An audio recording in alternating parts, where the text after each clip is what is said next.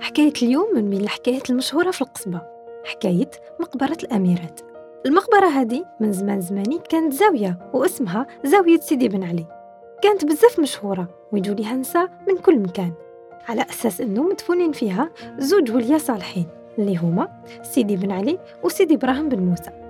وكانوا نساء يجوا ويربطوا طرف تاع قماش ملولين ويشعلوا الشمع ويتمناو وقدام الزاوية القديمة تاع سيدي بن علي في وسط الدار تحت شجرة الكرمة كاين القبورة تاع الأميرات نفيسة وفاطمة بنات حسن باشا الخزناجي اللي كان عنده مقام كبير في القصبة هذاك الوقت ومعروف بابة الأميرات واللي كان معروف عليه تاني باللي يحب بزاف بناته ويخاف عليهم.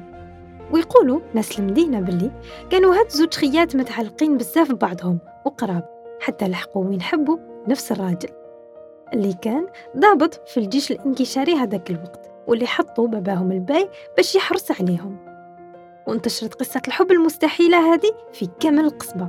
والحق الكلام لباباهم فقرر يحبسهم في الدار. حتى ماتوا من القهر والحزن.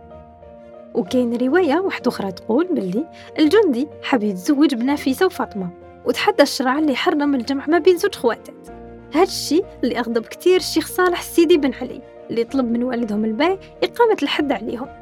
واختلفت الروايات وتعددت. والشي اللي حير كتر في الرواية هذه؟ أنه فوق قبر فاطمة مكتوب ابنة الباي حسن وفوق قبر نفيسة مكتوب ابنة المرحوم الباشا حسن.